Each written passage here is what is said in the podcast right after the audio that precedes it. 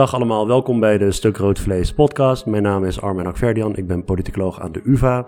Ik zit hier met twee UvA-collega's. Hila Dayan, politiek socioloog, verbonden aan Amsterdam University College. Hila, welkom. Hi Armen. En met Erella Graciani, antropoloog aan de UvA. Erella, welkom. Hoi, goedemiddag. Ik uh, wilde met jullie terug naar 7 oktober. Uh, een dag waarop Hamas een verrassingsaanval heeft uitgevoerd op Israël. Daarbij zijn ruim duizend burgerslachtoffers gevallen, honderden militaire doden.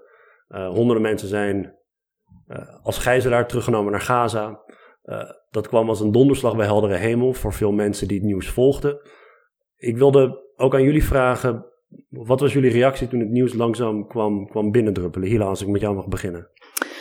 Ja, toevallig op die dag was ik vroeg wakker, rond acht uur. En ik keek even naar mijn telefoon, die was op mijn e-mail uh, for some reason. En ik zag een e-mail binnenkomen van een student van mij, een voormalig student van mij uit India. En die schreef, I'm sorry to hear about what is happening in your country. En ik dacht, goh, wat, wat kan het zijn? Het is eigenlijk, het gebeurt altijd wat. Dus het kan niks uh, uh, betekenen. En ik, ja, en ik ging gewoon verder. En twee uur later uh, ging ik toch, toch de nieuws even checken. En toen duikte ik in de, in de gaat van hel. En toen bleek dat het heel veel gebeurt. En ken je mensen in de omgeving die direct geraakt waren, je eigen familie of vrienden? Eigen familie had ik, heb ik niet in, in dit omgeving. Maar al snel, omdat Israël zo'n klein land is en iedereen kent, kent elkaar, al snel bleek dat het veel getroffen zijn van onze kringen, activisten en mensen die wij kennen. En een van mijn beste vriendinnen in Israël heeft zes van haar familieleden die gijzelaar zijn. En, uh, en een collega, een goede collega van ons, antropoloog Chaim Katzman, is vermoord uh, in zijn kibbutz Golit. En hij was ook een uh, boardmember van een organisatie die ik en co, ja, onze organisatie Academia for Equality. En hij was vermoord en nog een activist uit de Negev area, Vivian Silver, die is 74, was brutaal gebracht naar Gaza en is nog steeds daar. En zij is bekend door allerlei activistische kringen als uh, feminist en een vechter voor vrede en anti-bezetting activist. Ja, afschuwelijk. Hoe is het met jou? Um, ja, nou goed, bij mij was het een beetje hetzelfde. kwam ook door telefoon natuurlijk. Uh, het eerste wat je, was ik ochtends vroeg, eerst wat ik in mijn handen had. En toen zag ik eigenlijk een post op Facebook daar begon het eigenlijk mee waarop Um, waarom foto was van, uh, van een, eh, een truck, zo'n witte truck die eh, door de straten van Sderot, uh, dat is een, uh, nou, is een stad in het zuiden van Israël, reed met, met Hamas-leden erop. En was met nieuws van ja, Hamas-leden zijn in Sderot. Nou, dat is natuurlijk heel raar. Ik had eerst zoiets van, oh god, krijg je weer fake nieuws. Zo'n, weet je, dat was natuurlijk, nou, er waren natuurlijk allemaal van die fake nieuws kwamen al voorbij met de grote protesten tegen de regering en... nou ja, dus dat was eer, mijn eerste reactie. En toen langzamerhand, nou ja, kwam het steeds werd het steeds helderder dat er echt, uh, dat er echt uh, iets verschrikkelijks aan de hand was. Uh, toevallig waren twee vrienden van mij, heel goede vrienden van mij uit Israël bij ons thuis. en vriend, en vriend, een familie van hun was ook, die zou net vliegen. En toen was het heel duidelijk die, om zeven uur dat hun vliegtuig niet vertrok. Dus toen eigenlijk het hele weekend hebben we hadden we, waren we met zes Israëli's in huis. Met al het nieuws dat binnenkwam. En alle telefoontjes en alle ja, alle onrust en, uh, en vooral het heel erg um, een heel groot um, uh, ja, zorgen. Uh, bij mij gelukkig mijn directe familie, ik kom niet uit, uit die buurt, maar net als Hila, heel veel mensen via via die gewoon heel ja, mensen kwijt zijn geraakt. Uh, heel, mensen die gegijzeld zijn en verhalen. En, ja, er zijn zoveel verhalen. Dus, dus dat was echt, ja, dat was echt verschrikkelijk tragisch. En wanneer kwam bij jullie het besef dat hier echt iets enorms aan de hand was, in plaats van een aanval die je misschien wel vaker ziet? Ja, ik denk meteen, want Dit, dit, soort dingen gebeurt nooit. Kijk, Hamas in, in Israël, dat, dat, dat Hamas militanten in Israël zijn, dat dat, dat is gewoon ongehoord. Kijk, dat er zijn natuurlijk uh, in het verleden, ook wel in minder ver verleden, aanslagen geweest. Of een bus, of er is inderdaad uh, iemand wordt, uh, worden mensen bij een bushalte aangereden. Misschien wordt er een, een bom geplaatst ergens, weet je. Dat is heel erg op één, één punt. Uh, met alle verschrikkingen van dien. En dat, dat, dat hebben we natuurlijk vaker gezien. Maar hier dat je ziet inderdaad, dat heel, heel snel was het duidelijk ja. dat er echt honderden en toen duizenden uh, militanten van Hamas de grens over waren gekomen en door waren gebroken in de kibbutzim, uh, in, die gemeenschappen waren gekomen en uh, aan het moorden waren geslagen. En heel snel kwam ook het nieuws van het feest dat aan de gang was, waar echt honderden jongere mensen zijn vermoord. Uh, het was heel snel duidelijk dat is iets ongelooflijk groots was, wat we echt nog nooit hadden gezien. En je hint net even op, op het feit dat er op sociale media en, en elders natuurlijk ook heel veel misleidende berichten of fake news en dat soort dingen aan de gang zijn. Waar baseerden jullie je op uh, in die eerste uren en dagen als je informatie wilde? Wat, wat, wat, wat hoe kwam dat binnen bij jullie? Ja, wat heel duidelijk was, is dat de leger en de stad waren niet zo lang ja. voor de eerste 24 uur. Het was duidelijk dat uh, die mensen daar zitten zonder enige hoop. En en we zagen het almost als een reality show. Het is, je ziet mensen, je hoort de berichten. Je, ja, mensen zitten natuurlijk allemaal op social media. Dus social dus mensen media. zaten in de safe rooms. Uh, mensen ook die, nou ja, ik ken, wij kennen. Uh, die zaten vanuit de safe rooms, waren ze gewoon berichten aan het sturen. Niemand komt, niemand over komt. wat, er zijn... komt niemand, we zitten hier nog steeds. En de hele updates aan het geven. Dus dat is eigenlijk de manier waarop je inderdaad ja. informatie krijgt op het moment. En zeker niet vanuit vanuit de staat, want het was heel duidelijk dat de Israëlische regering, de staat, was echt stil. kwam niks, onduidelijk, kwam geen nieuws. Uh, er werden geen statements gemaakt. Er kwam geen. Want er gebeurde inderdaad de eerste uren gewoon helemaal, helemaal niks. Dus daar, dus eigenlijk inderdaad echt social media van mensen zelf. die, uh, die, die, die de verhalen naar, uh, naar buiten brachten. En welke nieuwsorganisaties? Nou, ik volg altijd Haaretz natuurlijk. Ja. Uh, dus onze New York Times, zeg maar. En, uh, en natuurlijk zit ik op uh, social media, Twitter. Ik volg journalisten die ik vertrouw. Precies. Um, en ik moet zeggen, vanaf dat moment, het is zo moeilijk om uit de nieuws te komen. Om, ik voor mijn eigen sanity, voor mijn eigen rust, moet ik echt elke dag mezelf een soort uh, ja, verplichten aan uh, nieuwspauze. vier, vijf uren straight. Om, om echt niet gek van te worden. Ja. ja, en dat is nog onafhankelijk van het zogenaamde discours dat op die platformen plaatsvindt. Want alleen het nieuws krijgen is al is al moeilijk genoeg. Maar nou er ja, zit een hele laag bovenop. Ja, precies. Ik probeer inderdaad ook zeker niet uh, te veel naar het Israëlische nieuws te kijken. Mijn man uh, die doet dat uh, veelvuldig. En ik, ja, ik vind dat heel erg, heel erg zwaar, heel deprimerend. En nou ja, ik probeer inderdaad, ik zoek echt uit mensen die, die ik op social media volg, die ik echt vertrouw uit onze, nou ja, onze cirkel van activisten, van academici, kritische academici. Uh, en om daar, daar kijk ik inderdaad ook vanaf het begin naar de analyses. Wat, wat posten zij? Wat zeggen zij? Hoe, hoe, hoe beginnen zij de, de, situatie te begrijpen? En iedereen was natuurlijk in het begin in shock. Het was niet zo dat op dag één uh, iedereen meteen uh, kant-en-klare analyses was. Iedereen was eerst van, gewoon wat, wat gebeurt hier? En dan heel langzaam aan uit die shock. En inderdaad heel goed kijken wie post het. Wat zijn de stemmen die wij vertrouwen, uh, die wat zeggen om zo inderdaad langzamerhand te begrijpen wat er gaande is. Ook op een gegeven moment meer op, aan, ja, om, de, om, om, om de situatie te analyseren uh, op een wat abstracter niveau. En even voor de goede orde, daar zitten ook Palestijnse uh, activisten en stemmen en collega's Zeker bij. Ja.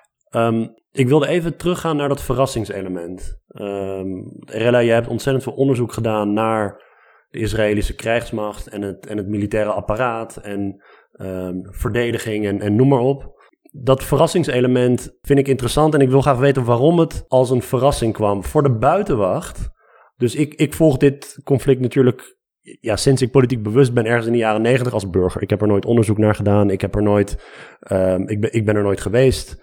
Um, ik, ik volg het als een bovengemiddeld geïnteresseerde uh, burger. En vanuit politicologie heb ik er misschien nog iets meer interesse in. Maar ik heb al sinds mijn eigen studententijd niet zo heel veel met internationale betrekkingen gedaan. Weet je. Dus um, het imago dat aan Israël kleeft is heel erg dat van een geavanceerd leger, uh, een kernmacht, de Israëlische bevolking heeft dienstplicht. Het leger is goed uitgerust. Het leger krijgt veel steun van bondgenoten, met name Amerika. De inlichtingendiensten zijn geavanceerd, misschien wel een van de beste ter wereld. Waarom kwam het dan als een verrassing? Ja, nou, ten eerste dat is natuurlijk een imago dat, dat Israël natuurlijk ook heel succesvol verkoopt ten eerste. Het is niet te zeggen dat het per se de waarheid is, maar het is in ieder geval een imago dat heel sterk leeft. Ook binnen Israël. Dus Israël is er heel erg zelf van overtuigd. Uh, en het was, uh, nou ja, de laatste weken daar, daarvoor, of maanden misschien wel voor dat dit gebeurde, was Israël heel erg bezig met, de, met eigenlijk herdenken en het terugkijken naar 50 jaar geleden in de Yom Kippur, waar Israël ook zo verrast was. En met het idee echt van, nou, dat was 50 jaar geleden. Hoe ver zijn we nu gekomen? De overtuiging dat het leger zo sterk is, dat de inlichtingendienst zo sterk is, dat wij precies weten wat er gaande is, was zo verschrikkelijk sterk, echt dat geloof was zo verschrikkelijk sterk. Um, en, uh, en je ziet dat dat, dat, dat echt helemaal uh, verkruimelde op dat, op dat moment natuurlijk. Dus dat, en daarom was die schok ook ook zo verschrikkelijk groot. Nou, voor de mensen die er woonden, uh, in, de, in, de, in de kibbutzim, in de gemeenschappen die aangevallen zijn, uh, was de schok. Natuurlijk was de schok heel erg groot en het drama heel erg groot. Maar ik denk nog minder dan in de rest van Israël. Want zij weten al heel erg lang dat uh, zij eigenlijk aan hun lot worden overgelaten. Daar in de periferie, daar dicht bij Gaza, voelen zich al heel erg lang onveilig. Um, en we hebben gezien, het is natuurlijk, kijk, wat het leger doet, heeft natuurlijk heel erg te maken ook met waar de regering naartoe, naartoe stuurt. Uh, en, die, en die relatie van, tussen de regering en, uh, en het leger zelf is al ingewikkeld genoeg uh, in Israël. Het idee is dat inderdaad uh, iedereen, wat je zei, iedereen heeft dienstplicht, of tenminste Joodse mannen en vrouwen in ieder geval. Um, en uh, die zijn heel erg verbonden. Hè. Het, leger is heel erg belangrijk voor iedereen. Dus mensen hebben daar een heel erg groot vertrouwen in. Um, maar wat, wat je zag, uh, en nu nog steeds, dus ook wat we nu, waarschijnlijk kunnen we daar zo wel over hebben, wat je, wat je nu ziet, is dat er heel groot vertrouwen in het leger is. Maar wat je toen zag, is dat de, het, het, uh, de regering, die op dit moment extreem rechts is, ervoor gekozen heeft om grote delen, belangrijke delen uh, en units van het leger um, eigenlijk weg te trekken uit die regio en naar de Westbank toe te sturen, waar echt de grote focus is van de extreem, van een, paar belangrijke extreemrechtse um, um, ministers, die ook kolonisten zijn en wonend, woonachtig zijn in de, in, in de, in de Westbank, de westelijke Jordaan-oever. En die uh, eenheden, legereenheden, waren daar om uh, om kolonisten te beschermen, om um, um, die minister zelf die daar, die daar bezig waren met, waren feestdagen, om die te beschermen. Uh, dus je zag eigenlijk weer dat uh, die gemeenschappen, die mensen gewoon echt, die daar wonen aan de grens, echt aan hun lot waren overgelaten. En achteraf, je hoort natuurlijk, kijk, dat is natuurlijk, de grote vraag was, hoe kan dit, hoe kan dit? nou, in ieder geval, ik denk een van die dingen inderdaad is dat, dat, dat rotsvaste geloof in iets wat eigenlijk dus eigenlijk helemaal niet zo uh, sterk is. Maar dat geloof was zo groot dat ook al kwamen er geluiden binnen.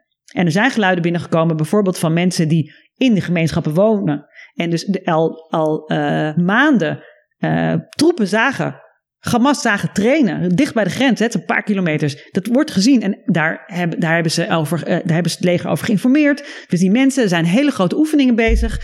Volgens mij is er iets, hè, ze hebben gezegd, volgens mij komt er iets, wordt, gaat er iets gebeuren. Daar is nooit wat mee gedaan. Alles is naar, zijde, naar de zijde geschoven, omdat men echt geloofde, wij weten het wel, Hamas is niks van plan. Wij hebben alles onder controle. En de schok was dus daarom des te groter, omdat geloof zo erg diep en vast was. Ja, ik, ik wil alleen maar toevoegen dat uh, uh, ik noem het een soort kloof tussen, of een soort enorm gap in het Engels, tussen wat, ja, de hubris van de stad en, en wat eigenlijk op de maatschappijniveau gebeurt. En wat ik daarmee bedoel, is dat de maatschappij was maandenlang bezig en de leger ook eigenlijk bezig met de legal reforms van Netanyahu. Dus ze waren bezig met de eigen uh, strijd uh, binnen de stad. Uh, de maatschappij was verdeeld, het haat en een soort agressiviteit en verdeeldheid. En zwakke, zwakke delen van, van de maatschappij waren totaal achtergelaten. Die, die geloof in de instituties van de stad was op de laagste niveau ooit. Dus de maatschappij was heel zwak Terwijl de staat en de regering waren zo intoxicated with power. Ze waren zo intoxicated met zijn eigen macht. Dat uh, ja, dit soort, dit ontplofte op oktober 7. Dit, dit soort uh, verdedigheid en soort, ja, die, die, die verschil tussen wat is eigenlijk de waarheid, wat de, de, de maatschappij was on its knees, terwijl de regering was intoxicated met, met, de, met zijn macht. Maar de, de grens tussen Gaza en Israël is zwaar bewaakt. Ik heb afgelopen weken uh, gesprekken gehad ook met collega's in onze afdeling die uh, in Gaza zijn geweest. Ik ben er nooit zelf geweest, die zijn er geweest en die vertellen over hoe normaal gesproken dat eruit ziet. Maar jij, jij vertelt net dat er aan de andere kant van de grens mensen zijn die, die zagen dat Hamas ermee bezig was. Maar speelde Israël dan een soort van bluffpoker? Uh, nou, of, of... nou ja, kijk, de grens is inderdaad heel erg beveiligd. Uh, uh, maar Hamas is jarenlang bezig geweest om dit tot in detail te plannen. Dus kijk, we weten nog steeds natuurlijk niet alle details van hoe het precies gebeurd is. Ehm, maar je kunt je, je, kunt, je kunt zien wat er gebeurt over de, over de grens op sommige plekken. En je, je ziet gewoon, en de, en de ware oefeningen, en dat, wist, dat, dat kon het leger ook zien. Hè, dat, is daar, maar die maakte zich daar geen zorgen om. Die dacht van, nou, hè, ze, zijn weer, ze zijn gewoon het aan het doen. Natuurlijk zijn ze daar altijd bezig, dat snappen ze. We weten dat Hamas daar zit. Uh, maar men maakte zich niet zorgen, omdat ze zeker wisten van, oké, wij hoeven ons, ons gewoon, uh, wij, zijn sterk genoeg. Uh, dit overkomt ons niet. En, en blijkbaar is die, heeft die arrogantie ertoe geleid dat het Hamas dus is geslaagd om inderdaad alle communicatie channels inderdaad uit te schakelen. De, alle observatietorens, al die, vooral vrouwen die bij de, als observanten uh, uh, werkten in die torens op de grens, die zijn eigenlijk uh, allemaal vermoord of meegenomen als, als gegijzelden naar, naar, naar Gaza. om het heel erg, zo erg goed te plannen dat, dat, dat het allemaal op hetzelfde moment kon zijn. En op die manier, op verschillende manieren ook de grens over zijn, zijn gekomen. Maar het is nog steeds de vraag waarom ja, nu? Nu, ja. En dat, daar hebben veel analyse, uh, ik heb veel analyse gehoord. En natuurlijk praatte iedereen over uh, ja, de Abraham Accords, het feit dat de Palestijnen weg waren van dit soort uh, bewegingen van de Israëlische regering met Arabische landen. Ja, ze werden een beetje vergeten, soort, zeg maar, in die normalisatie. Ja, soort, nee, maar het, het was gewoon, het was nu, zit, nu zien we al, alles natuurlijk ja. op hindsight. Ja. ja. zijn we allemaal slim genoeg. Uh, maar het was echt het eind van een era. In de zin dat Hamas kent Israëlische maatschappij blijkbaar, ik denk, heel goed. Hamas zag dat het op een laagste niveau van pre preparedness is op de meest verdeeld, op de meest unfocused aan uh, op de grens. Hamas zag ook dat Netanyahu zijn politieke uh, survival is, is een vraagstuk. Dus zijn, de partner waar Hamas in de laatste twee decennia is, is blijkbaar op de laatste legs met dit soort gevechten binnen Israël. En, uh, en, dat, en dat, ik denk dat terwijl ze voorbereiden, de vraag is waarom nu? En ik denk, ja, ze waren super strategisch, want ze wisten dat dat zou een hele enorm klap zou geven aan Israël. En er is nog één uh, factor, die heb ik gehoord in de, in de podcast, die uh, echt een goede podcast van uh, Ezra Klein in de New York Times. En daar heeft een, een Palestijnse analist gezegd, ja, ze waren ook onpopulair binnen Gaza en steeds meer onder druk van de gezamspopulatie omdat ze niet functioneerden als de facto uh, regering. Dus ze, ze zagen dat ze niet, niet kunnen functioneren als een de facto regering. En steeds meer onder druk zijn van de eigen bevolking. En ze zagen ook dat ze de, de, de, de, de Palestijnse uh, kwestie echt aan het, uh, aan het, op de spoor is, ligt. Van alle machten in de wereld. Dus dat was eigenlijk een perfecte timing. Kan, kan, kon niet beter van zijn perspectief. Ja, ja Hamas op, heeft op een hele perverse manier eigenlijk een bestaansrecht laten, laten zien. soort van. Ja, weer heel hoog. De, hele, de Palestijnse zaak in het algemeen natuurlijk weer heel hoog op de agenda gezet van de wereld. Uh, op, op deze manier. Ik wil nog even terugkeren naar dat punt van het, uh, het, het imago van, van Israël en de krijgsmacht, dat dat, dat, dat eigenlijk misschien wel, wel meevalt, of in ieder geval niet, niet zo sterk is als we misschien, misschien denken. Want een aspect daarvan is ook dat iedere keer wanneer Israël een oorlog voert, het gaat over het voortbestaan van de staat Israël. En dat daarom Israël zo goed bewapend moet zijn. En daarom moet Israël hard terugslaan. En Israël kan zich geen uh, demilitarisering veroorloven. Uh, het bestaan van Israël staat altijd op het spel. Um, wat vind je daarvan, dat dat argument er steeds bij wordt gehaald? Ja, nou goed, dat is natuurlijk een heel centraal argument in, uh, in de manier waarop Israël zich naar buiten toe profileert. Ik denk dat, we, dat het tijd is om, uh, om Israël veel meer te normaliseren.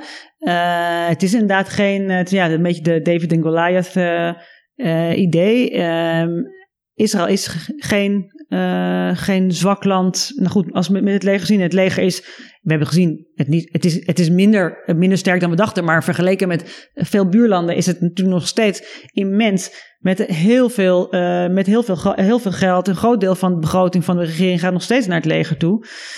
Uh, dus, uh, dus dat is wel belangrijk om, uh, om, uh, om te weten. En het bestaan, ja, kijk, het is een heel makkelijk, het is een heel makkelijk argument. Maar uh, ik denk dat, dat, dat we daar echt dat we heel erg moeten oppassen om dat over te nemen van, uh, van Israël. Want het is wordt natuurlijk gebruikt. Het wordt, het wordt om te, ja, mooi Engels zeggen, it's being weaponized. Uh, om, om, om, en, Israël kan zich op die, manier van alles veroorloven. Want het gaat om ons bestaansrecht. Ja. Maar wat about het bestaansrecht van andere volken, zoals de Palestijnen? Um, dus dat is natuurlijk een heel problematisch, uh, problematisch argument. En ik denk dat het tijd is om dat Israël zichzelf, maar ook dat andere landen Israël gaan zien als een normaal land om het zo maar even te zeggen, uh, die niet de, zich de hele tijd kan beroepen op een soort van noodsituatie. Want die noodsituatie zorgt ervoor op dat, op dat, dat idee de hele tijd opbrengen van, maar, maar we zijn aan het overleven, maar we zijn maar nog maar net aan het overleven en we hebben alleen maar vijanden om ons heen. Um, nou goed, we zien dat het ook al heel erg lang niet, niet, niet, uh, niet waar is. Maar wanneer nou, is dat ik, moet, ik heb het, uh, misschien kunnen wij ook zeggen dat, uh, ja, dat op dit moment met 150.000 mensen die moesten zijn huizen lieten achterlieten uh, uit uh, de grensgebieden in het noorden en in het zuiden. Met uh, raketten die elke nacht worden gegooid. Van alle kanten. Van, van Gaza en van het noord Hezbollah. En allerlei andere gewapende clashes op de grenzen. En natuurlijk niet vergeten, we know what the capabilities are van uh, ja, die regionale uh, stakeholders. Um, dus ik denk dat de, niet de, de situatie nu is niet per se de andere, de andere keren van de vechten met Hamas. Zeker niet. Dus de situatie nu kan zeker leiden tot een groot catastrofe. Een regionale catastrofe. We zijn allemaal uh, bang voor dat het zo uit, uit de hand zou lopen.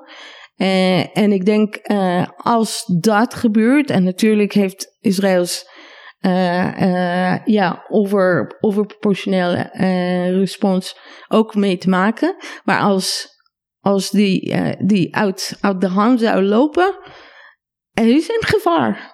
Er is een gevaar, een groot gevaar voor alle, alle mensen in dit gebied. Dus heel veel leven uh, zijn op de spel uh, op dit moment. Dus ik denk dat wij nu zitten in een andere fase. Het een erger fase van alle andere fases uh, van toen. Maar dan gaat het om met name de rol van Iran. Want als je kijkt naar de directe buurlanden met Egypte is al heel lange vredes. Ja, Jordanië ook, Jordanië al een lange tijd. Syrië is een beetje een... Ja, Syrië niet natuurlijk. Syrië is actief uh, nee, vijand. Maar goed, ja, hoe, ja. Hoeveel, hoeveel, firepower zeg maar, die heeft om Israël, uh, dat, is, dat, is, dat, dat weet niet precies. Je hebt natuurlijk de Hezbollah, nou, die is inderdaad uh, vrij actief. En die heeft wel nou ja, ook de contacten natuurlijk met Iran. Maar het is vooral inderdaad de relatie met Iran. En, en, en, en het geld dat Iran aan andere ja. partijen geeft natuurlijk. Niet Iran alleen als zodanig. La, laten we het zo zeggen. Van het perspectief van de Israëli burger is uh, op dit moment niet veilig. Nergens. Nee, maar dat is natuurlijk al heel Nergens. erg lang. Het is heel erg lang, maar nu is het ook waar. In, in, in, je kan het ook zeggen dat van hun perspectief, en zij zitten daar, wij zitten hier lekker in Nederland, maar voor burgers in Israël die daar zitten, eh, het gevoel is dat ze eh, geen grenzen, geen veilige grenzen hebben. En dat ze ook eh, op elk moment eh, kan raketten vallen, wie weet waar. Nou, ze zijn natuurlijk beschermd, gelukkig door de Iron Dome. Maar iedereen praat over die Iron Dome. Wat zouden wij in hemelsnaam doen als het niet. Be- Als we geen Iron Dome hadden. En wij zaten ook in Israël en Irela ook tijdens dit soort bomba- bombardementen. Nou, het is niet fijn om met je kinderen naar de crash te gaan en denken: oh shit, we moeten echt een, een, een veilige plek vinden. Eh, dus het is, het is een, eh, een situatie waar je ziet, daar ziet je niet de disproportionele macht eh, kloof tussen Israël en Palestijnen. Want je zit gewoon in een soort survival mode. En dat is de mentaliteit van alle Israëliërs. En op dit moment, als ik dat hoor van Israëliërs, dan kan ik ook begrijpen wat ze, wat ze bedoelden. Nou, ik denk, ik, denk, ik denk dat het zeker zo is, maar ik denk wel dat je het uit elkaar moet halen inderdaad. Wat de angst is en, wat in de, en die echte is echt. Ehm, en, en die wil ik absoluut niet bagatelliseren, want die voelen mensen ook echt. Eh, en daar acteren mensen op. En dat is, zie je heel erg eh, natuurlijk. Ehm, en wat de, werkelijke, eh, wat de werkelijke risico's zijn. En nogmaals, ik ben het wel met je eens dat die absoluut, er absoluut zijn. Ehm, Het probleem maar- is dat de antwoord is altijd meer oorlog. Ja, En het probleem ja. is dat de antwoord is altijd, ja, en daar, daarom moeten Daarom wij moeten zijn om te droeken. Nee, maar dat omdat, bedoel ik- omdat dat, ja. dat idee kan je niet doorbreken. Omdat mensen zo existentiële gevaar voelen, kunnen ze niet even denken, eh, nee, luister naar andere geluiden. Precies. Er zijn mensen die zeggen al heel lang, wij hebben drie opties eigenlijk. Negotiated settlement, the containment of the conflict en gewoon genocide. Dus die zijn de, de drie mogelijkheden eigenlijk. Nou, containment of the conflict weten we al, allemaal nu dat het niet, Ja. niet meer mogelijk is. Omdat dat is de leugen dat, dat Netanyahu heeft verkocht aan de Israëlische eh, publiek voor zo lang. Maar dat is er niet, niet, meer. Nou, wat hebben wij nu nou? Nu, als wij, als wij nu echt kijken, wat zijn de mogelijkheden? Vanaf de perspectief van Israël. Dit zijn de tweede mogelijkheden. Of afschuwelijk geweld, eh, etnische zuivering tot het eh, meer. En of denken aan de politieke, ehm, ja, die, die, die, wat ga je doen in de politieke manier en niet in de oorlog. eh, Ja, eh, meer oorlog, want meer oorlog veroorzaakt voor meer oorlog. Maar de, is het een, een, een semantische discussie die ik, die ik nu in mijn hoofd zeg maar, heb tussen eh, een situatie waarin er honderdduizenden burgers in een oorlogssituatie gevaar lopen ehm, en wanneer een staat zelf op het punt staat om vernietigd te worden. Dus eh, er zijn talloze oorlogen overal in de wereld waarbij honderdduizenden mensen en meer omkomen. Ehm, maar, De staat is heel sterk, maar niet voor de burger. oké, Nee, kun dus- je dat uitleggen? Ja, burgers in Israël eh, hebben geen eh, vertrouwen dat de regering zou voor hun zaken, bijvoorbeeld die, die nu zijn gesloten, dat, eh, voor ze zorgen. Dat, dat de, de, de regering, als je echt steun moet hebben, dan, dan is er geen welfare state, is er geen hulp. We zagen de maatscha- maatschappelijke middenveld in zijn allersterkste nu, omdat ze alleen maar maatschappelijk middenveld eh, organisaties en mensen, mensen en, en, en eh, hulpverleners, die waren daar voor de mensen. In tijden van crisis. Ik noem één voorbeeld. Ze, eh, ja, Netanyahu's regering heeft de eh, mentale zorg, de health, mental health instituties totaal kapot gemaakt. Er zijn geen eh, mensen van de stad om, om mensen in die tijden van crisis te helpen. En dan zien wij hoe mensen eh, ja, hulp verlenen, maar het, het, is, het is ook niet, niet genoeg. Ja, dus geen hulp voor de burger. Dus de staat is heel sterk, maar niet in de, in de algemene zorg voor de burger. Ik wilde even een, een, een bruggetje slaan naar een uh, opiniestuk dat uh, jullie met z'n tweeën met een andere collega Noah Roei hebben geschreven in NRC. Relatief kort op 7 oktober. Dit is van 19 oktober. Het, het viel mij op, dit stuk, omdat het anders was dan wat ik in de Nederlandse media tot dusver had gehoord. Waarom wilden jullie dit stuk schrijven? Nou ja, wij, we waren heel erg verdrietig. We waren aan het rouwen. Gelukkig hadden we elkaar. en uh, waar we ook buiten, het, buiten, nou ja, waar, buiten, we, buiten de rouw en het verdriet om wat allemaal gaande was, uh, niet alleen in Israël eh, op 7 oktober daarna, maar ook wat er toen meteen daarna in Gaza gebeurde, voelden we ook ons op een uh, bepaalde manier uh, soort van verraden door, om het even onder één noemer te zeggen, uh, veel mensen in progressief links in Nederland. Uh, waarbij we eigenlijk, die, dat, dat waren onze ja, onze mede-activisten, jarenlang hebben wij met hun aan debattafels gezeten en met hun gewerkt en met hun samen gevochten tegen de bezetting. Um, en opeens uh, was daar geen ruimte meer om ook te zeggen: wat op 7 oktober is gebeurd, dat zijn oorlogsmisdaden. Uh, dat is verschrikkelijk. Um, eigenlijk werd dat totaal genegeerd. en dat was voor ons echt heel erg ja, heel erg moeilijk. En, en um, daar begonnen we over te praten van hoe kan het zijn dat deze mensen die altijd zich hebben ingezet voor mensenrechten, mensenrechtenorganisaties ook, en dan heb ik het over alle, ja, dat allerlei organisaties, ook politieke partijen zelfs, die de mensenrechten in het hoogpunt vaandel hebben, um, die totaal voorbij gingen aan dat deze keer inderdaad mensenrechten schendingen werden begaan ja. door Palestijnen, door Hamas. Natuurlijk niet, uh, staan niet voor alle Palestijnen. En dat de slachtoffers Israëli's waren. En dat was een blinde vlek uh, die heel pijnlijk was voor ons. En toen, en toen hebben we eigenlijk besloten, we moeten hier wat over, uh, wat over schrijven, omdat het blijkbaar inderdaad, en je ziet het nog steeds in de media, het gaat altijd over pro-Palestina dit, pro-Israël dat. Alsof er niet met elkaar, te, alsof er twee verschillende mensen zijn. En je moet kiezen. Ja, um, wat, wat voor mij ook pijnlijk was om uh, uh, belangrijke intellectuelen uit de Palestijn, Palestijnse diaspora om te horen. Een soort van elation, een soort van glimlach moment. Ze waren echt uh, blij. En niet van natuurlijk de dode mensen, maar omdat de status quo verbroken was. Ik kan het echt rationeel begrijpen dat sommige Palestijnen en leiders en intellectuelen een soort opluchting voelen op dit moment. Dat was heel dichtbij natuurlijk, uh, die, die uh, verschrikkelijke uh, aanslag. Dus ik kan het rationeel proberen te begrijpen vanuit zijn perspectief, maar ik kan het echt emotioneel niet accepteren. Dat je geen enkele ja, en, en ik was ook verbaasd naar de, sorry om te zeggen, de stommiteit. Wat denk je dat het geen prijs zou betaald worden door je eigen volk? Denk je dat het echt een goede moment is voor Palestijn? Ik denk het niet hoor. Ik denk het niet.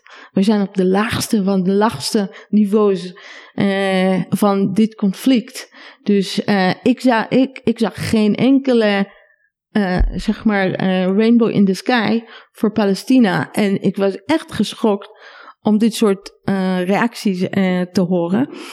En had dus nog meer motivatie voor. ja, het was meteen een soort discours van hun en dit, die kant en dat kant. En ja, ik denk, als je, als je inderdaad aan kanten ziet, de, de, die in, ja, de, de niveau is heel laag van dit soort deba debatten. Van bijvoorbeeld Israëliërs zeggen tegen uh, mensen die zeggen, nou, dat is niet de, de, de van de bevolkingen. Toch? Uh, er zijn onschuldige bevolkingen. En dan zeggen Israëliërs, nou, ze hebben Hamas gekozen, dus zijn schuld. En aan de andere kant hoor je precies hetzelfde. Ja, Israël. Ja, wat dacht je dan? Ja, het is jouw schuld. Het is Israëls schuld. Dus Hamas heeft niks gedaan, niks. Het is Israëls schuld. Ja, wat denk je dat het geen burgers zijn? De bloed is anders. De pijn is anders. Nee, het is niet anders. Precies, ja. burgers verantwoordelijk houden voor wat uh, leiding in een land. Uh, Precies, en het allemaal in één, in één vouwen, alsof het ene hetzelfde is. En dat is natuurlijk heel pijnlijk. Ja, en wij zien het als, uh, als uh, experts, zien we altijd Israël en Palestina samen. Wij praten nooit over of Israël of Palestina. Voor ons is het altijd, altijd Israël, Palestijn, Palestijn, Israël. Dat is één unit van analysis. Dus wij kunnen niet onszelf verdelen in, in de twee kampen of niet onszelf erkennen in de twee kampen. Ja. ja, ik vind het een prachtige tekst, omdat je dus iedere zin kun je eigenlijk pakken en, en dieper op ingaan. Ik bedoel, voor, ik kan me zo voorstellen dat, dat, dat je dit in het onderwijs zou gebruiken als een soort van kapstokje om te praten hierover. Maar bijvoorbeeld, uh, jullie schrijven ook, en, en ik wil daar ook wel even een reactie op. Het is niet aan ons om hier te definiëren wat voor Palestijnen verzet betekent. En uh, dat zinnetje staat er niet zomaar. Jullie hebben er vast hard over nagedacht. Wat betekent dat precies? Zou ik het ja. antwoorden? Ja, voor mij dus het een van de belangrijkste eh, punten op het stuk. Um, als wij praten, praten wij als Israëliërs, als Nederlandse Israëliërs. Uh, vanaf dit positie kunnen we niet uh, tegen mensen die dit moment zien als een soort nog een uh, in de strijd voor de rechten van Palestina. kunnen we niet tegen hun zeggen: nee, het is niet zo. Het is, het is een ja, verschrikkelijke uh, moordaanslag. Nee, het is niet alleen maar een moordaanslag. Het is inderdaad ook uh, een moment in, onze, in de geschiedenis van, van dit conflict. Uh, maar wij, wij zijn niet hier om te oordelen. dat, dat is niet de positie waar dat wij willen nemen. Wij, wij willen nemen de positie van uh, uh, de positie als kritische Israëliërs tegen onze regering die ons op dit punt heeft gebracht. Tegen de regering die uh, dit soort oorlog veroorzaakt door zijn eigen provocaties en door het absoluut refusal om met de Palestijnen als mensen en als politieke mensen te behandelen. Dus uh, wij komen aan een zo een afschuwelijke moment van oorlog, omdat en geweld. Uh, omdat er geen politieke uh, bemoeienis was met de, met de Palestijnen. En dat is ook de verantwoordelijk van Israël. Dus wat ik wil zeggen is, vanaf onze perspectief kunnen wij dit, dit, dit en dat zeggen. Wij kunnen niet veroordelen wat, wat voor een moment het is voor uh, Palestijnen. En voor ons was het belangrijk om gewoon dit heel duidelijk onze posities uit te, uit te leggen. Jullie schrijven ook uh, dat um, misdaden moeten gezien worden voor wat ze zijn. Daarvoor hoef je niet voorbij te gaan aan de koloniale structuren, bezettingspolitiek en machtsverschillen. Wat zijn de koloniale structuren? Wanneer mensen praten over Israël als een bezettingsmacht of Israël als een koloniaal project. Wat, wat wordt daarmee bedoeld? Ja. Nou, dit was belangrijk voor ons om te zeggen. Ik denk dat het heel belangrijk, eh, een belangrijke zin is weer.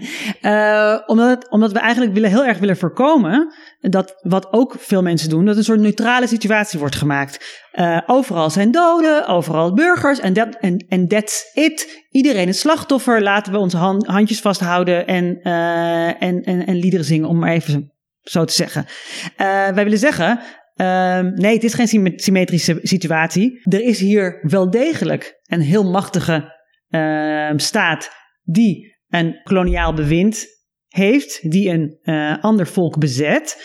Uh, dus er is dus die, die asymmetrie is er, die, uh, die machtsverhouding is er. En dan nog steeds binnen die context willen we wel laten zien, maar we hebben het nog steeds over burgers. En inderdaad, mensenrechten schendingen het, moorden, het vermoorden van burgers, aan alle, van kinderen, crimineel. aan alle twee kanten. Is gewoon crimineel. Is crimineel. Het zijn, dat zijn mensenrechten schendingen, dat zijn oorlogsmisdaden. Maar inderdaad, kun je, eh, daarbij moet, moet gewoon heel erg, is heel erg belangrijk dat we altijd in oogschouw nemen, en dat doen wij in ons werk en ons activisme altijd, dat, uh, dat we te maken hebben met Israël als een bezettingsmacht. Um, en, uh, en om daar heel ja, daar kunnen we, daar kunnen we ook urenlang over, over praten. Uh, maar daar bedoelen we inderdaad mee dat Israël als staat zijnde, zeker uh, sinds um, al decennia lang, Palestina, Palestina bezet en, en, en dat Palestijnse volk onder, onder bezetting leeft. In de bezette gebieden. En, maar veel Palestijnen uh, binnen Israëlische grenzen, dus die Israëlische staatsburgers zijn, uh, worden ook uh, nog steeds behandeld, nu helemaal, behandeld als tweederangs burgers.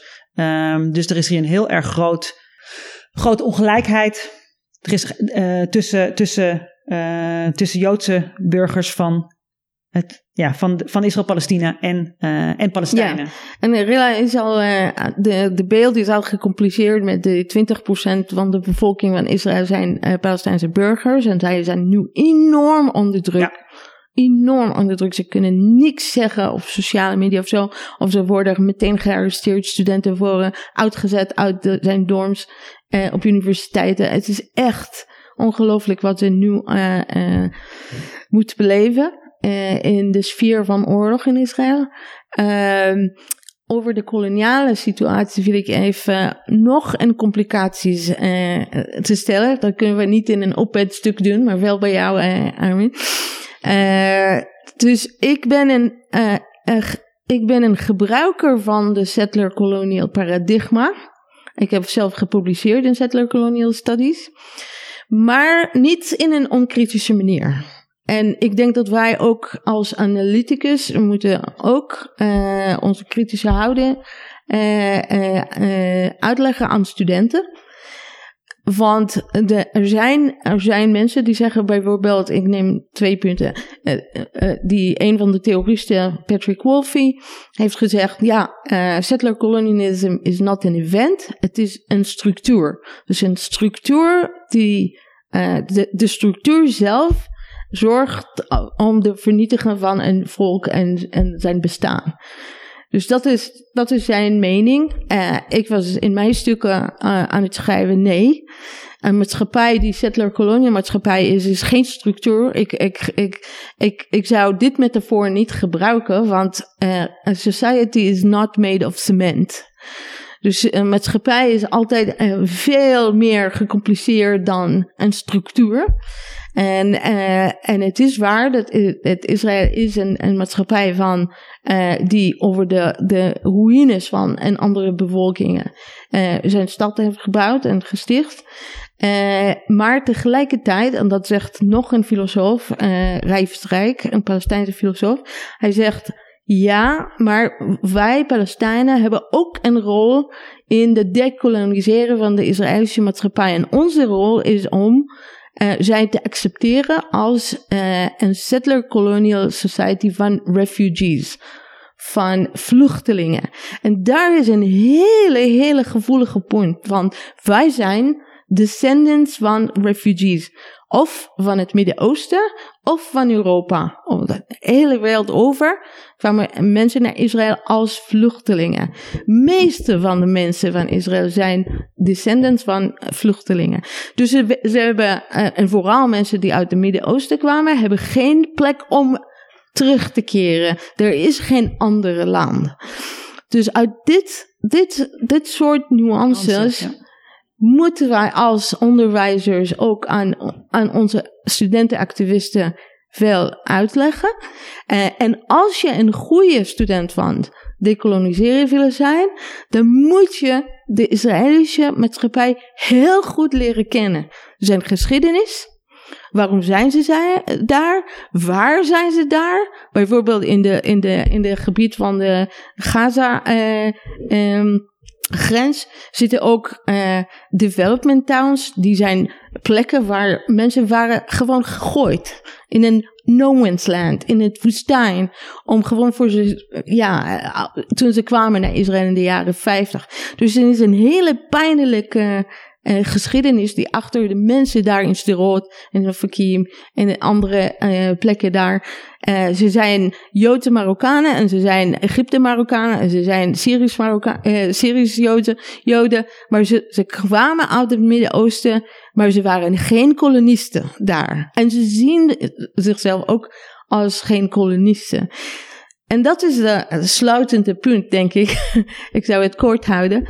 Uh, maatschappij kan niet gedecoloniseerd worden door anderen van buitenaf. Precies.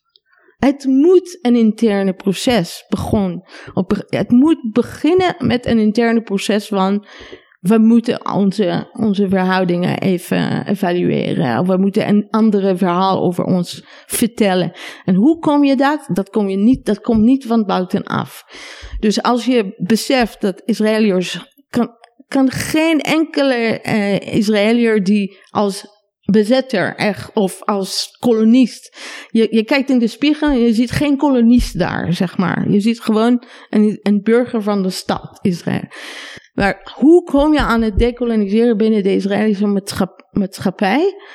Als zoals ik zeg, wij doen het samen. We doen het samen met Palestijnen die ons heel goed kennen, die onze geschiedenis heel goed kennen en die willen ook weten en die willen ook meeleven en, en, en accepteren dat het is één maatschappij die moet komen uit de abyss, uit die gaat van ons conflict. Ja. Ik heb um, ontzettend veel vragen meteen. maar ik moet me inhouden. Maar, um, ik was uh, te lang aan het praten. Nee, totaal niet. Ik, vind het, ik, ik, kan, ik kan hier uren naar luisteren. Maar koloniaal, uh, dat is een woord dat ook wordt gebruikt voor bijvoorbeeld eeuwenlang Europees kolonialisme. Uh, waar, als ik jou goed begrijp, het punt daarbij is, die Europese kolonisten die konden altijd terug naar een thuisland. Ja, naar moederland natuurlijk. Naar moederland. En je hebt natuurlijk ook nog andere, je hebt ook nog kolonialisme en je hebt natuurlijk settler kolonialisme. Dat zijn natuurlijk twee verschillende. Dit is niet zoals, nou laten we Nederland even nemen. Indonesië, natuurlijk waren er Nederlanders die Indonesië, maar die, die waren daar vooral om handel te drijven. Niet per se om Nederlanders daar te settelen, om daar Nederland echt Nederland van te maken. Dat is wel natuurlijk zo, meer met, als we kijken naar Verenigde Staten, Australië op een gegeven moment. Uh, dat, soort, uh, dat soort landen waar mensen echt gingen settelen, letterlijk.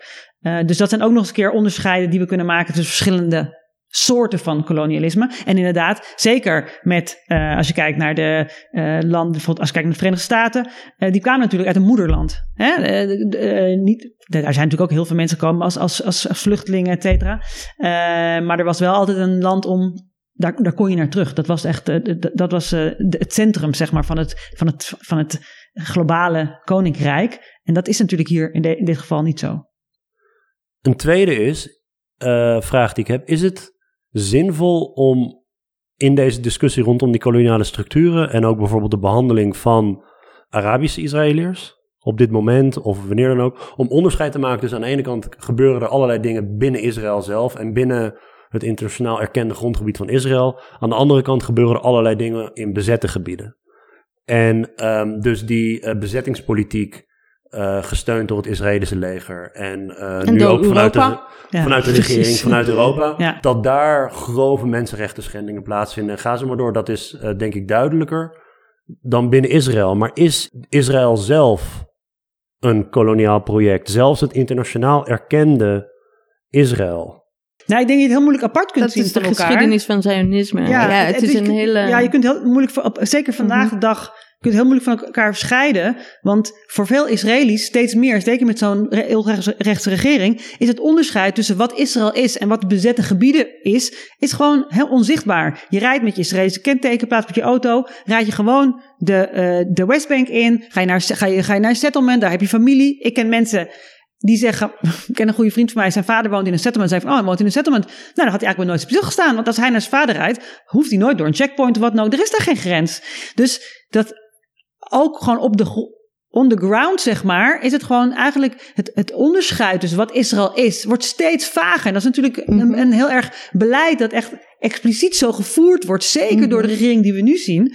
Uh, omdat het idee van, het ideaal van die regering is natuurlijk dat er helemaal geen onderscheid is tussen dat, dat alles één groot uh, Joods Israël uh, zal Kijk, zijn. Dat ten eerste. Mijn universiteit, Tel Aviv University, die zit op de Sheikh Mouanis, uh, voormalige Palestijnse dorp. Dus het zit op een, uh, een soort heuvel. Uh, en er zijn ook, er is ook een hele mooie gebouw van oude, rijke Palestijnen gebouw.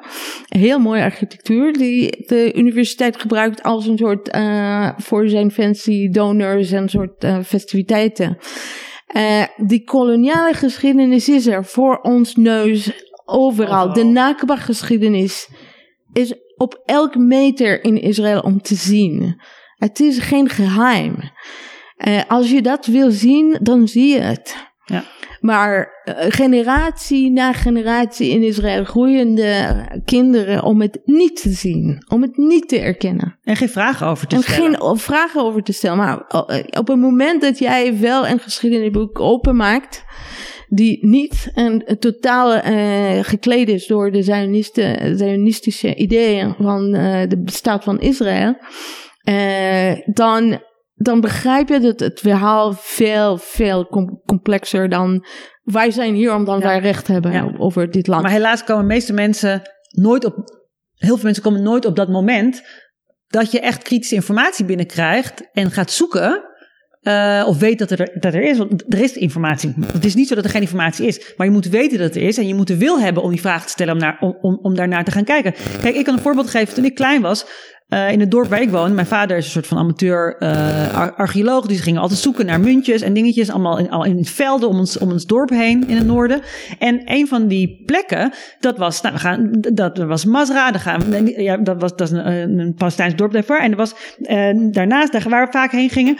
maar er was ook een van de velden waar we heen naartoe gingen. En er was een soort ruïnes. En ik had altijd in mijn hoofd een soort van ruïnes. Hoort bij de Romeinen. Of heel, heel lang geleden. En pas toen ik volwassen werd en toen ik echt politiek bewust werd, begreep ik pas waar wij altijd heen gingen, waar we altijd gingen wandelen en waar we altijd naar de ruïnes zagen. Dat is een Palestijns dorp geweest. En um, dat, ja. uh, de meeste mensen om mij heen die daarop gegroeid zijn, hebben zich daar nooit überhaupt vragen ja. over gesteld. Want die informatie is er gewoon niet. Ja, en kijk, Als je hem niet zoekt. Ja, en kijk, over de, de geschiedenis moeten wij ook zeggen twee dingen. Eén is dat uh, bijvoorbeeld die mensen die uit het Midden-Oosten kwamen. Dus ik wist niet dat ze waren in een soort uh, Mabarot, een soort uh, enorme uh, kampen. Kampen gezet, ja. Gezet als vluchtelingen voor jaren, jarenlang. Mijn eigen stad, waar ik opgegroeid ben. Weer, je ziet de 48 oorlog daar, maar dit geschiedenis van hun, van onze gen generatie opa's en oma's, die daar zaten in dit soort kampen en zijn geschiedenis en hoe kwamen ze naar de stad Israël, weten we ook niks van. Dus dat is ook niet een geschiedenis dat wij over praten. En dat is direct, heeft direct te maken met wat het idee van soevereiniteit van Israël, van Joodse soevereiniteit, Zionistische idee, heeft uh, een, een, een tota totaal veranderd de, de traject van de geschiedenis van zoveel uh, communities in de Arab world. En, en, dat bracht een eind van Joods-Arabische leven in de Arabische wereld. Dat weten wij van niks. Precies, ja. En nog uh, uh, op dit uh, punt van koloniale, ja, de koloniale houding, um, wil je ook zeggen, ja, er zijn ook de historicus Amnon Raz Krakutskin is heel belangrijk. Hij heeft geschreven ook over hoe de Joodse maatschappijen hebben uh, decennia lang, millennia lang in uh, oude Palestina gewoond en ook onder uh, Arabisch, on, onder de islamitische rulers en onder de Ottomaanse, etc. Maar de belangrijkste punt is dat ze, ze hadden een soort consciousness, bewustheid van minderheid van wij wonen hier, wij zijn Palestijnen eigenlijk, waren ze Joods-Palestijnen. En die, die nooit uit Palestina waren. En uh, het hele Jodendom eigenlijk bestaat uit een, een, stadje, uh, een oud stadje, uh, die noemt, die is Tzfaat.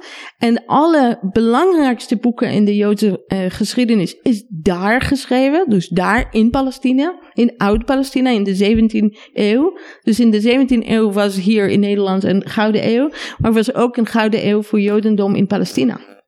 Onder islamitische rulers. Dus dat is geschiedenis. Dat is gewoon geschiedenis van Jood, Joodse mensen en van de Joodse volk en van de Jodendom, die onderbroken is door het Zionistische idee uit Europa. En daarom praten wij ook over de direct betrokkenheid van Europese geschiedenis in Europa met dit conflict. Direct betrokkenheid. En als wij over dekolonisatie willen praten hier, zou ik liever praten over Europa, niet over Israël. In welke zin? De, de, de rol van Europa? De rol van Europa in, in de geschiedenis van ons conflict. De betrokkenheid van Europa met Israël. Die een, einig, een eindigheid waar uh, Europese leiders en Europese steden uh, Israël uh, de macht geven om de Palestijnen weer en weer te onderdrukken.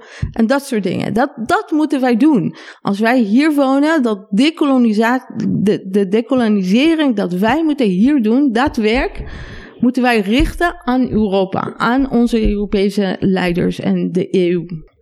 In mijn ervaring zijn Europeanen heel slecht in retrospectie, de Europese leiders. Dat, uh, ik, uh, ik, ik, ben zelf van Armeense origine. En um, nou, niet eens zo lang geleden, een paar weken geleden, is er een hele Armeense enclave in Azerbeidzjan is, uh, is ontruimd. Um, het probleem is in één klap opgelost. Maar honderdduizend mensen zijn, uh, zijn op de vlucht. En uh, ja, over, dat is een etnische zuivering. Hoewel niet die honderdduizend mensen zijn niet allemaal vermoord. Maar het is een etnische zuivering van de cultuur. Uh, geruisloos ja. is het voorbij gegaan. Ongelooflijk. Compleet ja, geruisloos ja, voorbij gegaan. Maar ik ga de verleiding weerstaan om over dit koloniale punt uh, nog een vraag te stellen. Maar ik heb, dit is uiteraard een open uitnodiging voor jullie om iedere wanneer dan ook terug te keren om hier verder over te praten. Maar um, er staat ook in het stuk. We horen dus vooral eenzijdige steun voor Israël van mensen die amper spreken over Palestijnse slachtoffers, het geweld door Israël en de racisten in de Israëlische regering. Dus toen ik jou vroeg, Erelle, over waarom wilden jullie dit stuk schrijven, was het, uh, nou ja, de, je wordt gauw in een pro-dit, pro-dat kamp geschaard. Als je zo'n zin opschrijft, word je dan niet meteen in een pro-Palestina-kamp geplaatst? Nee, ik denk dat dat wel iets wat we geprobeerd hebben te zeggen. Dat we van beide kanten, en nogmaals, dat is een, het, is een, het is een soort van risico tussen het zijn van we zijn genuanceerd, wij willen geen uh, kant kiezen, want wij kiezen heel duidelijk een kant. En het was grappig, voor ons grappig, dat wij nu er een paar keer zijn wij, is er tegen ons gezegd: Oh, jullie geluid is zo genuanceerd. Dat zijn wij niet gewend. Want over het algemeen worden wij als meest extreem uh, radicaal. gezien, radicaal gezien. um, maar, maar dat is dus het verschil tussen inderdaad: ga je neutraliteit aan? Of kun je zien. Um, kies je een kant, maar welke kant is dat dan? Dat is, geen, dat is niet kiezen tussen een pro, uh, een pro-positie of een pro-positie daar. Wij, ja, wij zeggen altijd, jarenlang hebben we gezegd, wij zijn niet we zijn pro, we zijn pro, we zijn pro mensen, we zijn pro Israël, we zijn pro Palestijnen. Uh, die hele keuze die je moet maken is heel erg problematisch. En als we kijken naar het vertoog dat we nu zagen, zagen we gewoon dat mensen geen oplossing zagen, geen mogelijkheid zagen, geen ruimte zagen om als we uh, empathie hebben voor wat er slachtoffers. voor slachtoffers, voor wat, we, wat, wat bijvoorbeeld in, op 7 oktober is gebeurd in Israël, dan kunnen we, dan is dat per definitie, zijn we dan tegen alles wat Palestijns is. En dat, was, dat is zo sterk nog steeds. En zeker als we zien in Israël. Dat sentiment is zo verschrikkelijk sterk.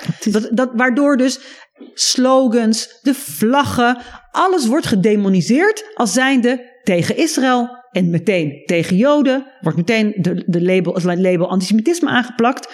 Het is zo verschrikkelijk sterk en het is alleen maar versterkt. En daar willen wij heel erg voor waken. En willen zeggen van, uh, ook als je empathie en we zien, en wij zien het als, als, als Israëlische Nederlanders natuurlijk heel erg, heel erg goed. Nou, we hebben het al eerder over gehad. De verschrikkingen zien, de verschrikkingen die gepleegd zijn tegen burgers. Daar kun je bij stilstaan.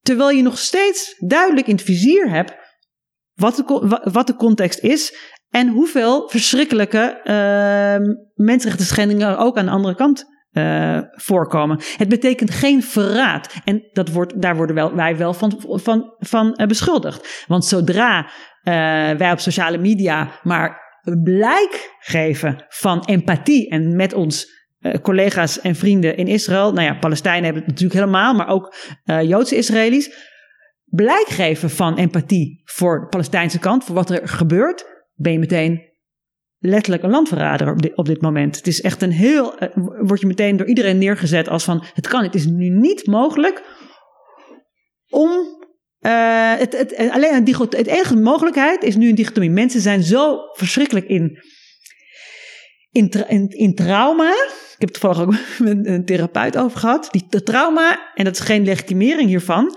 dat er eh, het ah, enige wat mogelijk is, het is, er is een enorm trauma. Het enige wat mogelijk is, is een zwart-wit denken. Als je niet bij ons hoort, als je blijkbaar naar die andere kant kunt kijken, dan heb je geen plaats meer bij, bij ons. Dat kan niet samen zijn, samen gaan.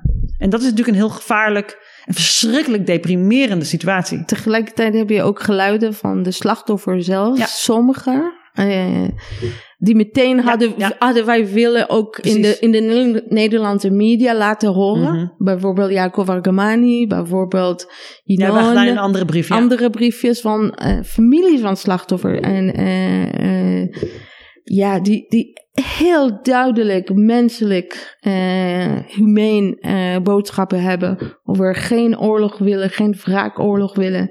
Over dat dit helpt niet. Ja, gebruik, ons, gebruik ons, ons leed niet om ander leed te veroorzaken. Precies. En dat is ook een heel sterke boodschap. Dus door de woede, zijn eigen woede, niet ons. Wij zijn niet slachtoffers, gelukkig maar. Maar uh, ja, als dat soort mensen bestaan, dan ben ik ook sterk in mijn positie. Ja, Dat zijn heel belangrijke stemmen die, uh, die, die wij ook proberen inderdaad zeg maar, op een manier te versterken. Van luister naar deze. Als je niet naar ons luistert, luister dan naar de mensen die echt mensen hebben, hebben verloren.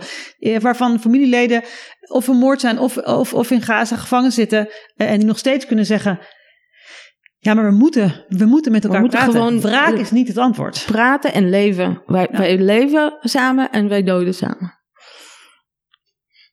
Ik wilde, uh, want, want dit raakt natuurlijk ook heel erg aan de, uh, de discussie die overal wordt gevoerd over de oorlog en over het conflict.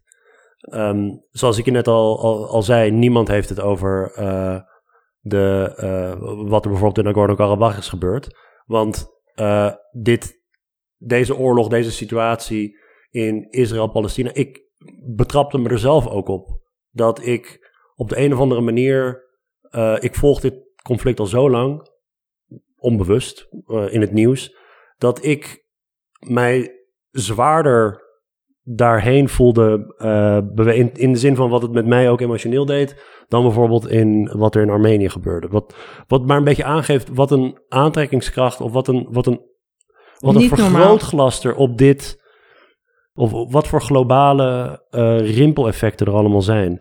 En die merken wij in ons dagelijks leven natuurlijk. Uh, wij werken aan een universiteit waar wanneer er zulke dingen gebeuren, er uh, open brieven worden geschreven, je wordt in kampen geplaatst. Um, we zijn ook onderwijzers, dus we moeten het hierover hebben met onze studenten, zeker in de vakgebieden waarin wij zitten. Dus laten we nog even wat tijd nemen om te praten daarover, over dat discours.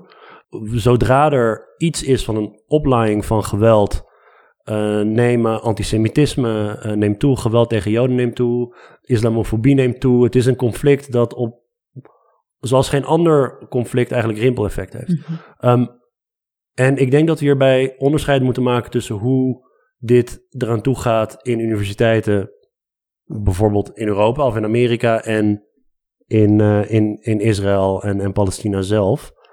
Hila, je bent daar, je bent er ook veel, veel mee bezig. Ja, jullie allebei zijn er natuurlijk mee bezig. Ja, ik ben co-stichter van Academia for Equality. Dat is een, uh, een groep van acht 800 uh, scholars, Israëli en Palestinian. Uh, sommige in Israël, meestal in Israël, uh, binnen Israëlische universiteiten en sommige van buitenland, zoals ik. En wat we zien binnen universiteiten daar is een enorm golf van haat en censuur van kritische denken. Uh, universiteiten gaan op een soort disciplinaire manier uh, de uh, uitspraken van mensen op sociale media volgen en, en, en dan consequenties, ja, gewoon disciplinaire measures tegen hun um, maken. En dan, dan, we maken ons zorgen dat, ja, er zitten eigenlijk nu voor de vierde of vijfde dag is hij, is hij al uh, uitgelaten. Ja, en, en, en, en een soort uh, uh, een docent binnen de middelbare school waar hij heeft alleen maar geplaatst posts over Gaza en over Gazaanse slachtoffers. En hij zit in. in voor mij is hij net vrijgelaten. Hij zit vast. Ja. Hij zat vast voor vier, vijf dagen. Dus in dit soort fascistische omgeving zou, zou je verwachten dat de Israëlische universiteiten een liberale uh, ruimte geven voor verschillende geluiden en ook begrijpen dat ze hebben andere populatiestudenten dan Joodse Israëliërs. Maar ze begrijpen het niet zo goed. En wij vechten tegen dit soort uh, golf van haat en uh, racisme binnen de universiteiten in Israël. Nou, over wat hier in uh, Nederland gebeurt, misschien is het beter om, om Irela te, te horen.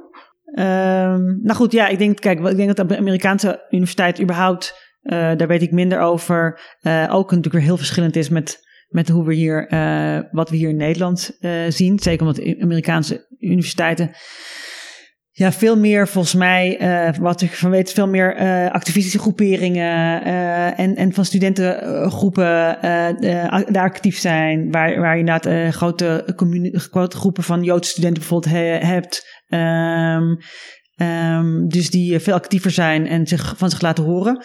Op allerlei verschillende manieren. Uh, nou, daar hebben we natuurlijk heel veel uh, conflicten over gezien heen en weer.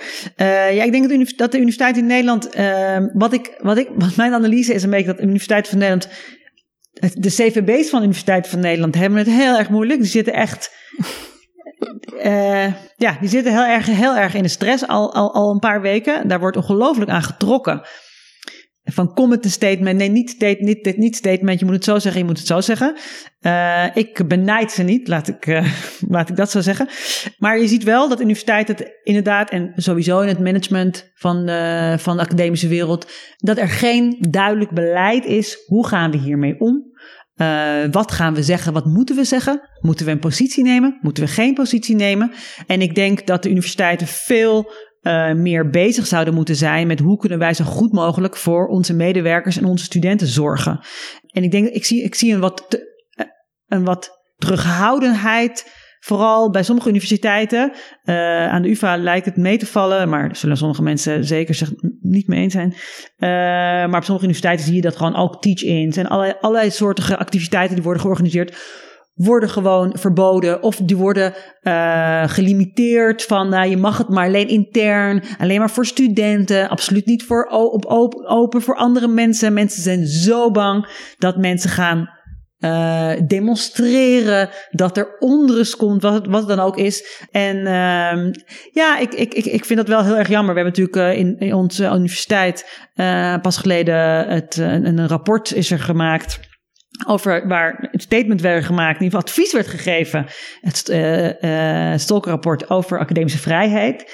Uh, dat heeft de TVB ter harte genomen. Die heeft in het begin van het jaar bij alle studenten flyers in hun nieuwe studenten in hun tasjes gedaan over academische vrijheid.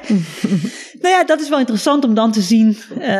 wat, ja, wat zijn de limieten van? Wat de limieten en wat betekent dat nu? Wat betekent dat? En hoe gaan we dat invullen? En ik zie daar wel dat is natuurlijk een ja. algemeen. Maar goed, dit is wel een soort van testcase.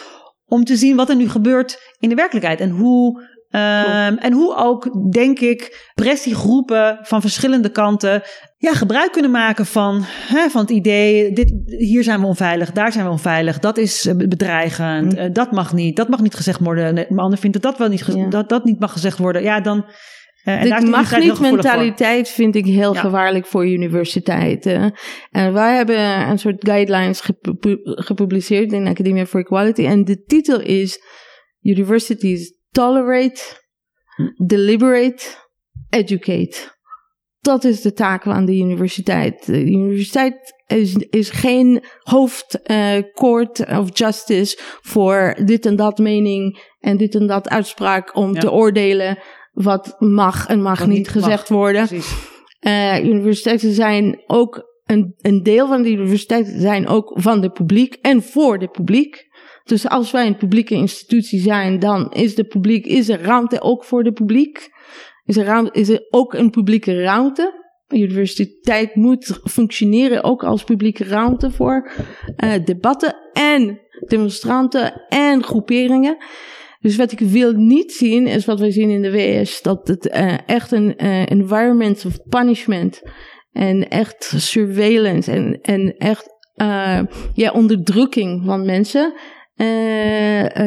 binnen universiteiten. Tegelijkertijd, ik denk dat wij wij als staf, als onderwijzer, die verantwoordelijkheid hebben ook om niet alleen maar teachings te doen, maar echt met groeperingen omgaan om, de, om de, de vuur een beetje omlaag te, te krijgen. Want het helpt niet als je tegen de uh, regels van hoe je een bijeenkomst bijvoorbeeld organiseert. Dat helpt niet op dit moment. Gewoon aan de regels houden van hoe doen we dat? Procedurale, bedoel ik, procedurale regels. En, uh, en ook de, de vlammen van, van uh, de propagandaoorlog uh, een beetje te doden met een beetje met een, een hogere niveau van deliberations.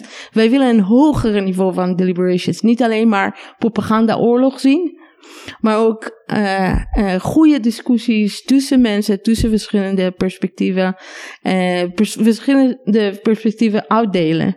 Dat willen wij ook zien op universiteiten. En over antisemitisme, mijn boodschap is altijd voor, ja, ik begrijp de gevoeligheid van onze studenten en of staf van Joodse afkomst dat ze zijn gevoelig omdat er zoveel haat tegen Israël. En die slaat direct aan hun. En dat is niet fijn. En dat begrijp ik ook. We begrijpen het. Ja, we en begrijpen het allemaal. Op, op aangesproken. En ze zijn aangesproken alsof zijn Israël, zij representeert Israël. Ja. En dat is een totaal foute uh, manier om, om, om te gaan. Dus dat, dat begrijpen we. Nou, om het antisemitisme over alles te, uh, te benoemen, dat vinden wij ook gevaarlijk. Waarom? Omdat dan, dan zien we niet wat echt antisemitisme is, nee. dan erkennen wij niet het uh, geschiedenis van antisemitisme. Dus wij weten niks. Als je al over alles zegt antisemitisme, dan is alles antisemitisme. En dat is geen nut meer om antisemitisme iets te benoemen. Dus dat, dat is onze, mijn vraag aan de, sorry, aan de Joodse en Israëlische studenten van de UvA en EUC is wij weten, wij zijn met jullie, wij leven met jullie mee te voeden de, de pijn van wat gebeurt in Israël nu. Wij, wij vragen aan jullie om, niet, om echt sterk te zijn. Sterk in je, in je verbondenheid met Israël. Dat, wil, dat heb ik in ieder geval als critici van Israël. Ik heb het sterk verbonden aan Israël, dus ik voel me niet uh, aangeslagen als iemand uh, iets over Israël zegt. Want mijn, mijn bond is, is heel sterk. Dus blijf sterk. Maar ook niet, uh, niet laten leiden door hasbara, door propaganda, om over alles te klagen, over andere groeperingen te klagen. Want dan doe je meer damage dan, dan goed voor de zaak. Voor de zaak van deliberation, begrijpen, een begrip van het conflict en, uh, ja, en een goede uh, sfeer, een goede publieke sfeer. Ja. Heel erg bedankt uh, voor jullie tijd, met name ook en ook de ja, enorm openhartige en, en indringende manier waarop jullie hierover hebben verteld. Het is natuurlijk een tipje van de ijsberg. Er zijn allerlei onderwerpen en ja, bibliotheken vol met, met materiaal uh, die we genegeerd hebben en allerlei invalshoeken. Uh, maar maar ik, ik heb al heel veel geleerd. Niet alleen van dit gesprek, maar ook van ons voorgesprek. Ik, ik wou dat ik dat had opgenomen als podcast ook. Dus Hila, heel erg bedankt voor je tijd. Alsjeblieft. Rella, jij natuurlijk ook. Graag gedaan. Um, kunnen jullie iets meer vertellen over uh, de, het activisme dat jullie doen en, en de bruggen die jullie proberen te slaan en, en het soort, um, ja, ook activisme waar, waar anderen die misschien luisteren en geïnteresseerd zijn of iets willen doen, zich zouden kunnen aansluiten? Ja, maar misschien kan ik vertellen over, uh, over Stichting Gate 48. Dat is onze stichting uh, ja, in Nederland. Eigenlijk, we noemen een platform voor kritische Israëli's in Nederland. Uh, wij bestaan uh, nu net 15 jaar. En uh, nou ja, blijkbaar nog steeds nodig als kritische geluid binnen het, Israëlisch, binnen het Nederlands debat. En ja, wat wij proberen te doen is inderdaad door middel van... Ja, we hebben in het verleden veel ja, van debatten en lezingen, et cetera, georganiseerd. tentoonstellingen, filmavonds, filmfestivals zelfs. Maar in ieder geval al met het doel om een, een, een Israëlisch, een kritisch Israëlisch geluid, echt maar vanuit de grassroots ook. Uh, dus niet zozeer politieke geluiden, maar vanuit de grassroots. Wie zijn die activisten? Joodse activisten, Palestijnse activisten, om die naar, naar Nederland uh, te halen, om, om die geluiden te laten horen uh, binnen, binnen het Nederlandse debat. Uh, dus dat is, een, dat is onze eigen organisatie hier. Ehm, ja, misschien Hila ja. vertellen. Kijk, in Academia for Equality zijn we dag en nacht bezig met uh, solidariteitsacties met mensen die uh, vervolgd zijn of consequenties hadden voor, het voor wat gebeurde nu tijdens de oorlog binnen universiteiten. Dat is één manier. En wij, wij natuurlijk maken ons zorgen hoe de antisemitisme discours ook gaat. En ik zou ja, ook mensen uh, graag willen hebben die expert zijn of, uh, ja, of, of iets interessants hebben over antisemitisme, om ook uh, met ons te, te komen en verbonden, een verbinding te maken over, ja, hoe, hoe gaan wij een betere discours over dit ontwerp hier in Nederland voeren. Ik denk dat het heel belangrijk is hier in Nederland om uh, meer, meer en meer uh, perspectieven over uh, te hebben. Tegelijkertijd, in de laatste jaar heb ik ook heel veel samen met andere collega's geluisterd naar ehm, ja, wat gebeurt binnen de Joodse Nederlandse gemeenschappen. andere groeperingen ontmoet die een, een soort Joodse manifest hebben geschreven. Ja, ik, ik, vind het dan, ik vind het heel belangrijk dat ze niet uh, totaal uh, ja, met Israël verbonden zijn. Ik vind het belangrijk dat wij ook een soort Joodse Nederlandse ja, maatschappelijke activiteiten en culturele activiteiten te doen om Joods te zijn in Nederland zonder de hele Israëlische bagage, bagage op onze rug te hebben. Dus uh, een Jewish Revival hier in Nederland vind ik ook een hele uh, dringend uh, behoefte. En daar ben ik ook een beetje bezig mee. Ik zal alle informatie over deze initiatieven en ook, en ook wat andere stukken in de show notes plaatsen. Um, nogmaals heel erg bedankt. U bedankt voor het luisteren. like, comment, subscribe en abonneren en, en alles en nog wat. En um, tot de volgende keer.